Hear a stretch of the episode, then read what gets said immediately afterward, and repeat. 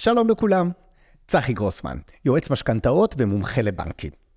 היום אני בפרק סולו, בפרק שרוצה קצת לנבור איתכם על המציאות שלנו, על המציאות הפיננסית, והכותרת של הפרק היא ניהול סיכונים. ניהול סיכונים נמצא בכל פן בחיים שלנו. ניהול סיכונים יכול להיות ברמה הבריאותית שלנו, מה אנחנו אוכלים, איך אנחנו חיים, האם אנחנו נוסעים ספורט. ניהול סיכונים יכול להיות האם אנחנו נוסעים עם אופנוע, או האם אנחנו נוסעים בלי קסדה, או ניהול סיכונים זה האם אנחנו מעשנים. יש כל כך הרבה סוגים של אלה. אבל הפן הראשון שבו אני אי פעם נתקלתי בניהול הסיכונים היה דווקא בעבודתי הראשונה כיועץ השקעות. וכיועץ השקעות יש נהלים מאוד ברורים מה צריכים לעשות כאשר פוגשים לקוח. יש נוהל ברור כדי לנתח את ניהול הסיכונים של הלקוח. עלינו להבין, לקוח בבסיסו, בבסיסם של בני האדם הם שונאי סיכון. זה הבסיס של כל אדם. מפה ישנם אנשים שרוצים שהסיכוי להרוויח ומוכנים לקחת סיכונים, וישנם כאלה שלעולם לא.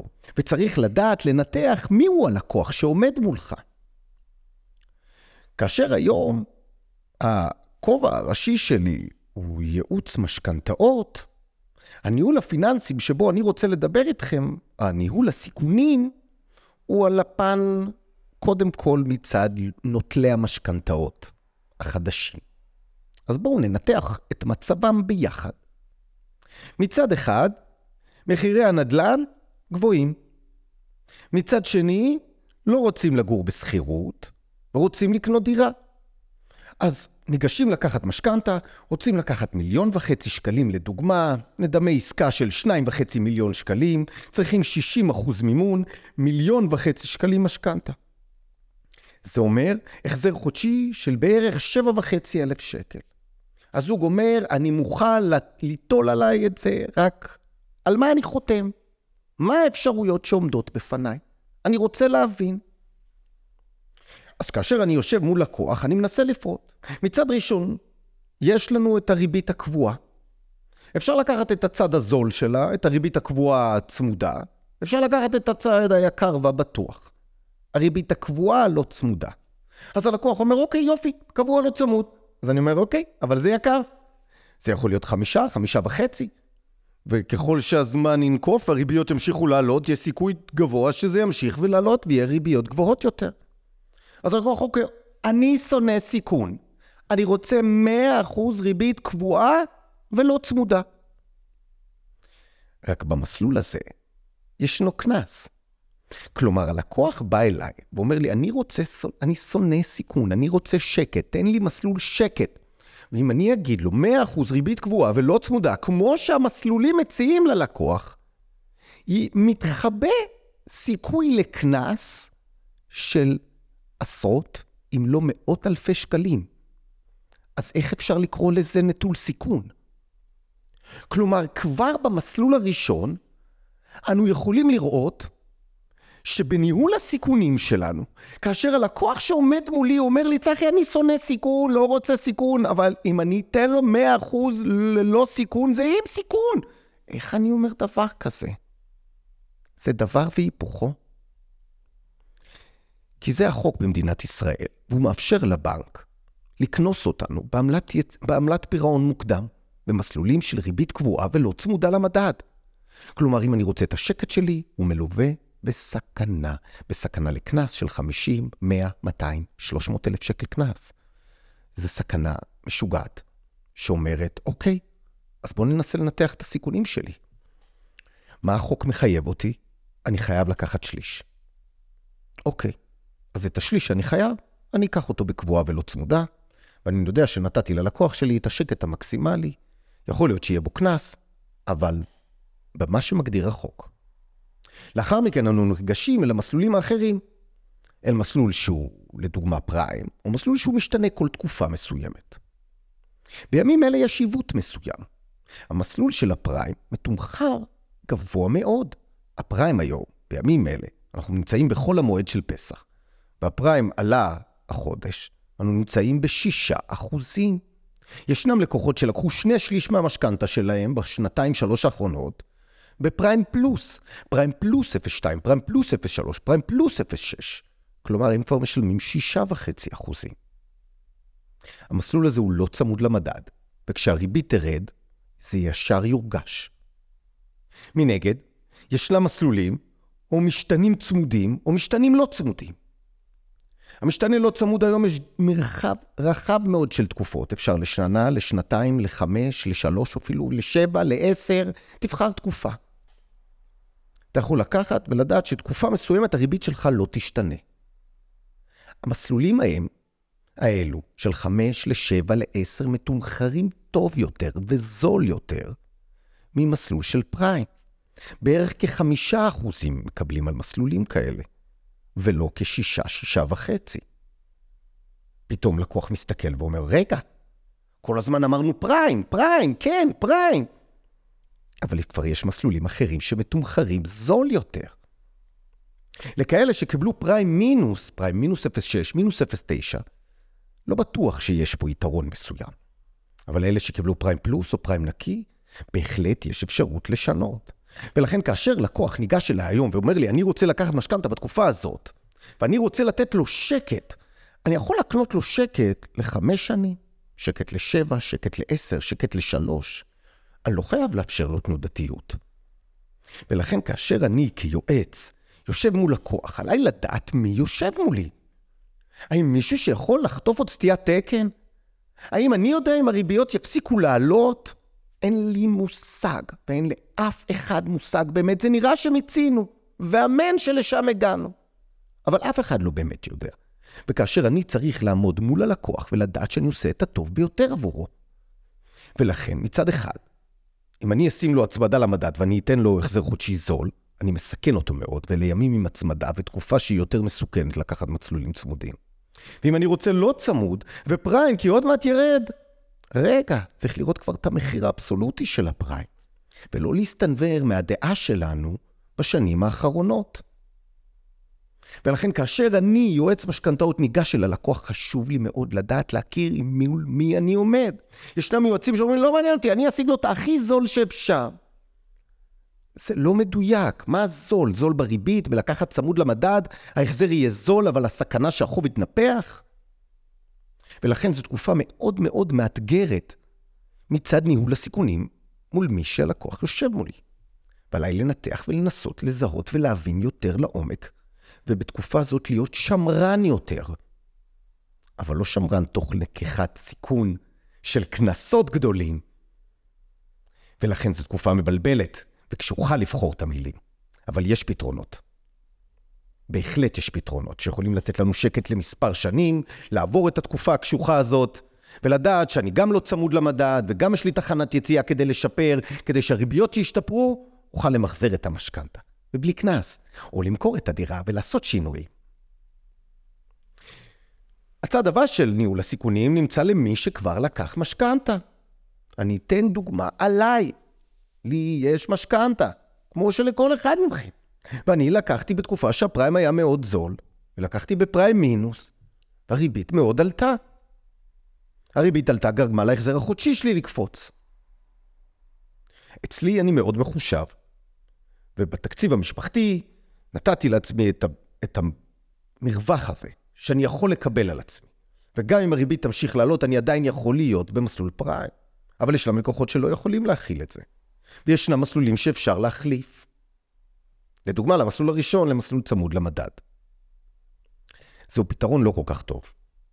זהו פתרון שיכול להוריד את ההחזר החודשי בצורה מהירה, לעזור למשפחה לקבל תזרים, אבל לטווח הארוך לעשות לא טוב. ישנם לקוחות שזה מקרים קיצוניים מסוימים, ושכן, ונעשה זאת. אבל עדיף שלא ללכת אל המסלול הצמוד. לא להחליף סכנה בסכנה. רצוי להחליף למסלולים שיכולים לתת, לעצור את המצב. לתקופה מסוימת. ואם ללקוח מאוד מאוד קשה, גם ישנם בנקים שאפשר למחזר אותה אליהם, ולשלם אפילו רק חלק מהריביות, ולתקופה מסוימת ממש לקבל מרווח אוויר. אבל לא כדאי לעבור כל כך למסלולים צמודים. אנחנו נמצאים בימים של אינפלציה, שהדולר יכול להתרומם פתאום ולגרום למחירים לעלות, ולכן הגדלת ההצמדה ללקוח גורמת להגדלת הסיכון. למי שיש מטבע זר במשכנתה שלו, קרי יורו, קרי דולר, גם עם ההכנסות שלכם במטבע הזה, אני חושב שצריך לעשות שינוי. לא צריך להכניס מטבעות למשכנתה. לא צריך להכניס מטבעות לחוב שלכם. מטבעות זה מוצר שיכול להיות מאוד תנודתי. מכשיר פיננסי קשוח לפעמים. בין אם הריביות שלו יכולות להתעדכן מאוד מהר ולקפוץ, ובין אם החוב יכול לגדול מהר מאוד. למי שיש מסלולים צמודים ליורו ולדולר, ההמלצה שלי היא חדה למחזר אותם בהקדם האפשרי, ולהחליף אותם למוצרים שקליים. הנזק יכול להיות חמור מאוד. לקוחות נוספים שלקחו בשנים האחרונות אלה לקוחות שהדלת החדשה שנפתחה בפניהם הייתה החוץ-בנקאי. בחוץ-בנקאי אנשים לקחו חוב בפריים בלבד. בפריים פלוס אחוז, פריים פלוס 2, פריים פלוס 3. והמסלולים האלה מאוד מאוד התייקרו. הם בסביבות בין 7 ל-9 אחוזים, ואני חושב שיש אלטרנטיבות טובות יותר בבנקים. מי שלקח מחברה חוץ-בנקאית, בין אם זה דרכי או בין אם זה דרך יועצים אחרים, מאוד מומלץ היום לעשות בדיקות חוזרות. לראות אם הבנקים יכולים לקבל את העסקה בחזרה, בין אם זה היה לא אפשרי אז בגלל חוק מסוים שבנק ישראל לא אפשר והיום במחזור אולי זה כן אפשרי, ויש דרכים להוזיל מאוד את הריביות האלה. אז זו נקודה שחשוב לשים לב אליה. הניהול שלנו, או הניהול של המשכנתה שלנו. גם בימים סוערים אלה אפשר לבדוק, אפשר לבדוק, לחפש אלטרנטיבות נוספות.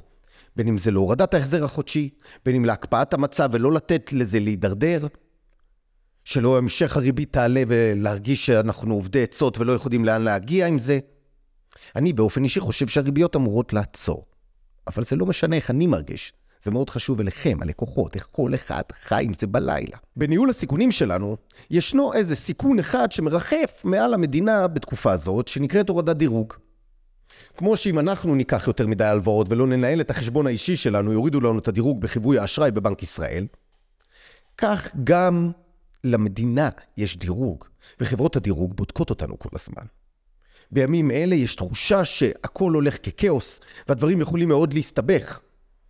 ולכן, כשיהיה הורדת דירוג כזאת, אם אנחנו חושבים שהיום הריביות הן נמוכות, אם, סליחה, אם אנחנו חושבים שהיום הריביות הן גבוהות, אם יקרה פה הורדת דירוג, הריביות יכולות לקפוץ באופן משמעותי. ולכן בניהול הסיכונים שלנו, כאשר אנחנו מסתכלים גם בצד הנכסים וגם בצד ההוצאות, עלינו להסתכל גם על יכולת הורדת הדירוג של המדינה. ולכן שלל הסיכונים האלה מצריך מכל אחד ואחד מכם הסתכלות פנימה. עכשיו נסתכל על הצד הנוסף. על הצד של ניהול הנכסים שלנו. בניהול הנכסים שלנו, לכל אחד מאיתנו יש קרן פנסיה וקרן השתלמות, ואולי תיק השקעות קטן, או קצת כסף בבנק, או להורים שלנו. הכסף שלנו לא יכול להיות במצב שהוא לא עובד. כרגע הכל נגדנו, וזה הנכסים שלנו, ועלינו לדעת לדאוג ולשמור עליהם. מה זה לשמור? אני לא בא להיות יועץ ההשקעות שלכם. אין סיכוי. זה שיש לי תעודת יועץ השקעות, אינני אומר בזה שאני מתעסק בייעוץ הזה. אני רק אומר שחייבים לנהל שיחות עם יועצי ההשקעות שלכם, עם הסוכן הפנסיוני שלכם, עם היועץ בבנק. להסתכל מזווית של הסתכלות מאוד רחבה. גם מצד מטבע שיכול להגן על התיק השקעות. מצד אחד אמרתי, בחוב שלנו לא טוב להחזיק מטבע. זה יכול להיות מאוד תנודתי. מצד שני, מטבע יכול לאזן לנו הפסדים בתיק ההשקעות שלנו. וחלק נוסף, יכול להיות שלקוחות אין להם אפילו כסף בפיקדון ראוי שמספק ריבית של 4-5 אחוזים. כשהריבית היום 6 אחוזים במשק אפשר להשיג ריבית מהממת גם בפיקדון בסיסי. אסור לנו להזניח את הכסף שלנו. הכסף שלנו זה הדרך שלנו לצמוח, לעתיד טוב יותר. אז מצד אחד לפקח על החוב שלנו, שרצוי שיהיה שקלי, שרצוי להוריד סטיית תקן, שרצוי לא להיות חשופים למטבע. מצד שני הנכסים שלנו, שרצוי לבחון כל הזמן את היכולת שלנו. האם אנחנו חשופים רק לשוק הישראלי, אולי חשופים גם למטבעות זרים, ופה זה כן יכול לייצר איזון להפסדים? איפה הקרן השתלמות שלנו מנוהלת? האם אנחנו שמים את הכסף שלנו בפיקדון? האם ההורים שלנו אולי יכולים להעביר את הכסף לקרן כספית, שגם יכולה לתת לנו הגנה מיסויית בעקבות זה שיש אינפלציה עכשיו? זו נקודה קטנה ואחרונה שנתעסק בה בפרק הזה. זה ההבדל בין קרן כספית לפיקדון שקלי בבנק. תראו איך מוצר פשוט יכול לתת לכם כוח רב. בדרך כלל בפיקדון בבנק צריכים לבוא עם הרבה כסף ולסגור לתקופה ארוכה כדי לקבל ריבית טובה. כיום יש מוצר תחליפי שנקרא קרן כספית, שנמצא בהרבה בתי השקעות. ואפשר לקחת בכל בית השקעות, זה לא משנה, יש דמי ניהול מאוד מאוד נמוכים, לקנות את זה דרך האתר בבנק, ואנחנו נקבל את הריבית הגבוהה ביותר שאפשר להשיג היום לפיקדון. לא לפיקדון שסגור לתקופה ארוכה, לפיקדון עם נזילות. ואחד היתרונות העצומים של המכשיר הזה זה המיסוי שלו, מיסוי ריאלי ולא נומינלי. כלומר 25% מס בניכוי אינפלציה. אם הרווחתי 4% והייתה אינפלציה 4%, לא שילמתי מס. בפיקדון אני תמיד אשלם 15%. ולכן יש דרכים רבות לנהל את הכסף שלנו. וניהול הסיכונים הוא לא רק על הבריאות, הוא לא רק בדרכים, הוא לא רק בבית, הוא לא רק בביטוח, הוא לא רק בחסכונות, בעובר ושב, אלא ניהול, הוא חייב להתחיל מניהול החוב שלנו וניהול הנכסים שלנו, כדי שכל הזמן יהיה בשליטה.